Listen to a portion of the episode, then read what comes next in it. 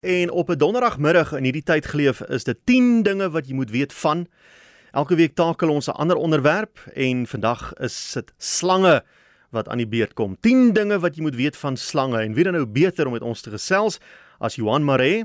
Hy is die hoofuitvoerende beampte by die Afrika Slangbyt Instituut. Johan, goeiemôre, baie welkom. Dankie dat jy kan saamgesels. Dankie Willem, dis 'n plesier.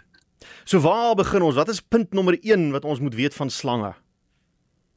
'n slang in die tuin of 'n slang in die huis. Wat maak mense as hulle 'n slang sien in die huis of in die tuin? En die belangrikste ding is onmiddellik ten minste 5 tree pad te gee en kry die kinders en die honde weg. Ja. Goed. Nommer 2. Mm.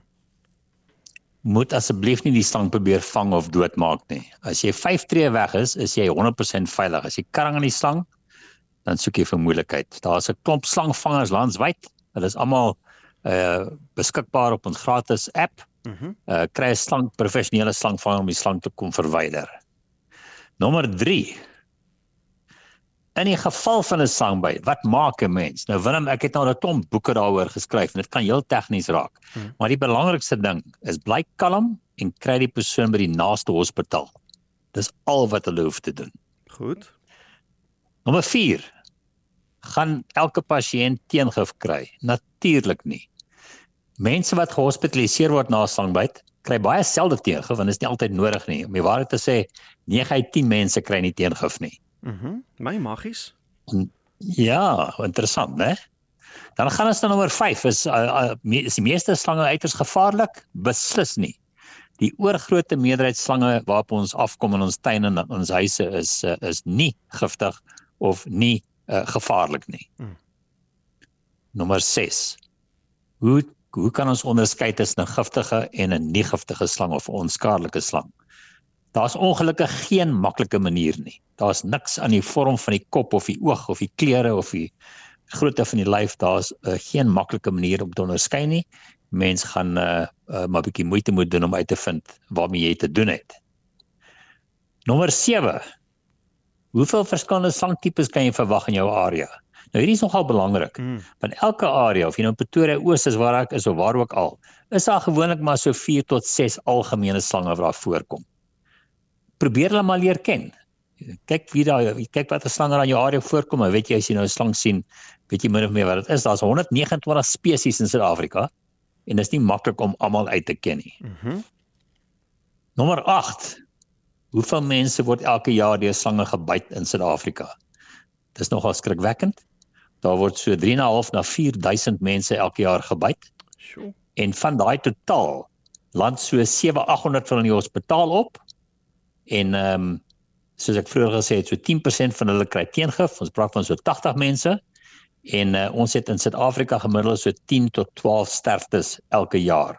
Baie soortgelyk aan bysteek. Ons het omtrent 10 tot 12 bysteek sterftes elke jaar. My ene mens dink nie so daaraan nie, nê? Nee, glad nie.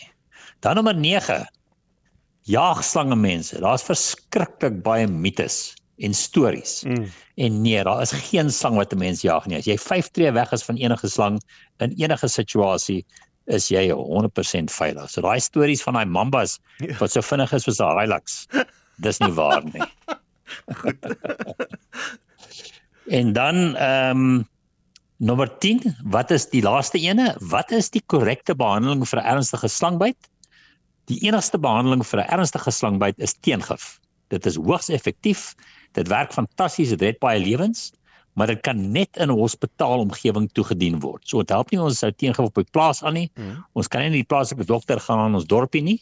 Teengif word net in 'n hospitaal aange uh, uh, toegedien omdat daar baie neeweffekte is en baie mense is allergies vir teengif. Ja. Goed, Johan, ek het nou terwyl jy nou gepraat het, 'n paar aantekeninge gemaak en ek wil net gou teruggaan op 'n paar van hierdie punte as jy nie omgee nie. Uh jy het baie tyd. Jy het gesê uh mens moenie slange vang of doodmaak nie. Nou ek weet daar's baie mense wat van mening is wat sê die enigste goeie slang is 'n dooie slang. Mense kry baie seker tipe sê goed en gesegdes. En ja. as jy nou iemand sou vra, maar hoekom maak julle die slang dood? Hoekom kry julle nie 'n slangvanger nie? Dan baie keer wat mense dan hoor is iets soos: "Man, ons is op die plaas, ons is 50 km buite die dorp. Ek het nie tyd vir 'n slangvanger om uit te kom nie." Wat sal jou verweer wees teen uh, so 'n tipe opmerking? Ja, ek het nie regtig 'n antwoord nie. As jy nou ver weg is en as niemand wat kan help nie, is dit ongelukkig dikwels die enigste alternatief. Uh wat ek net wil bynoem. Elke plaas het 'n sekere draagkapasiteit vir slange mm. en dit is die hoeveelheid slange wat daar nodig is om die peste te beheer. So elke slang wat 'n boer doodmaak, los hy 'n vakature vir die volgende slang om in te beweeg. Goed, ek sien. Ek sien wat jy bedoel. Jy het gesê wanneer jy nou gepik word deur 'n slang, die jy, dis, jy het gesê dis dit dit kan baie tegnies raak en as baie moets en moenies, maar die, die oorkoepelende een is bly kalm. Het dit te doen met jou hartklop? Want hoe vinniger jou hart klop, hoe meer gaan jou bloedsomloop vinniger die die gif na jou hart en brein en goeters toe vat. Ja, in die kort termyn het dit meer te doen met die limfatiese stelsel. Wanneer jy deur 'n slang gepik word, word die gif geabsorbeer. Die limfatiese stelsel is, is vloeistof onder ons vel en dit neem dit dra, dit vervoer die gif na die borsgedeelte. So aanvanklik is dit die limfatiese stelsel en spierbeweging stimuleer daardie stelsel. Maar wanneer die sanggif nou eers hier by die bors uitkom, dit kan dalk uh, 15 minute, 20 minute, uur of 2 vat, dan kom dit in die bloedstroom en dan pomp die hande vir die, die hart dit oralste. Ek sien teengif. Nou dit was die afgelope ruk in die nuus gewees dat daar 'n groot probleem met teengif in Suid-Afrika. Farmaseutiese maatskappye wil dit nie vervaardig nie, want dit is nie winsgewend nie. So dit is kwai afhanklik van staatssubsidies wat daar nou nie meer voor is nie. Dis nie 'n prioriteit lyk like dit my nie. Uh is dit is dit 'n krisis in Suid-Afrika op die oomblik? Nie heeltemal 'n krisis nie. Ons weet watter hospitale en ehm um, privaat en staatshospitale teengif het op hierdie stadium. Ons het redelike goeie voorraad in die belangrike hospitale. Mhm. Mm uh maar die veeartse sukkel. Hulle sukkel verskriklik nog om teengif te kry, maar ons bring nou ook alternatiewe produkte van die buiteland af in. So die mense moet nou nie uh, self kwel oor watter hospitaal teengif het nie. Dit help ook nie jy skakel hulle nie want hulle het nou en hulle gebruik dit net en môre het hulle nie. Hmm. Maar kom maar die hospitaal uit want die enigste rede waarom mense in die korttermyn gaan sterf is omdat hulle op asemhaal.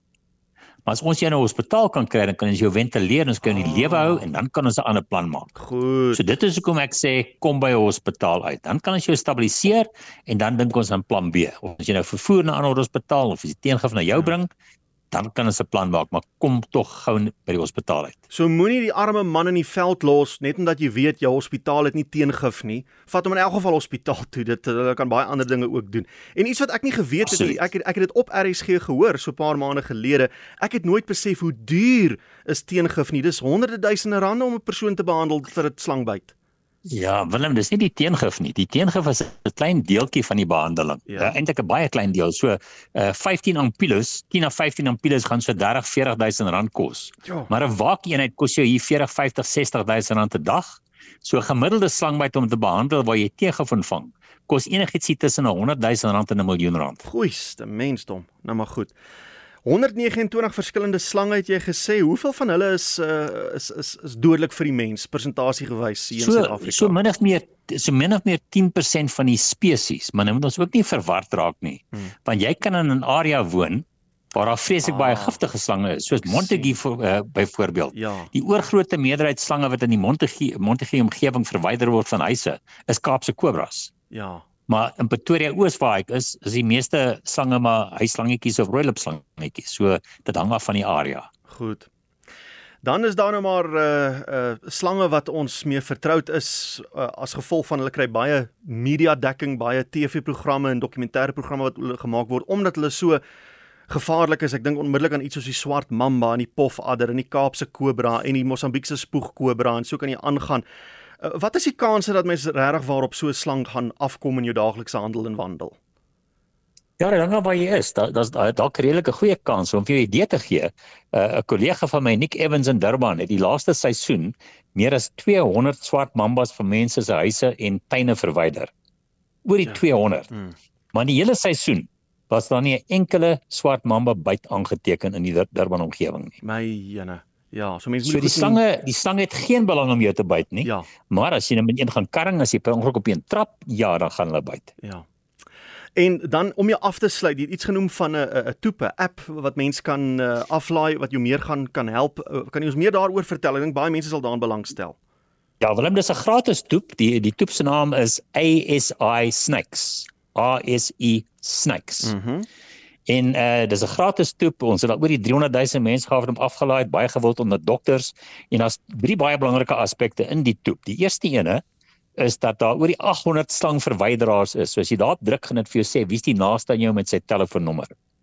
Die tweede aspek is ons het die eerste hulp uh, uh al die alles wat ons uh, voorstel vir eerste hulp is op die toep wat jy moet doen en wat jy nie moet doen nie. En dan raak 'n bietjie meer tegnies. En dan derdens is daar 'n deel op die toep, maak nie saak waar jy in die land is nie, jy druk op 'n uh, local snakes. Mm. Dan sê die toep vir jou wat in jou omgewing voorkom, net daai slange naby aan jou. Ai maggies. Dis ontsettend interessant. Johan, ek het baie lekker met jou gesels. Baie dankie. En uh, alle voorspoed vir julle verder in uh, jou werk wat jy doen. Baie dankie Willem. Johan Maree, hy is die hoofuitvoerende beampte van die African Snakebite Institute of dan die Afrika Slangbite Instituut.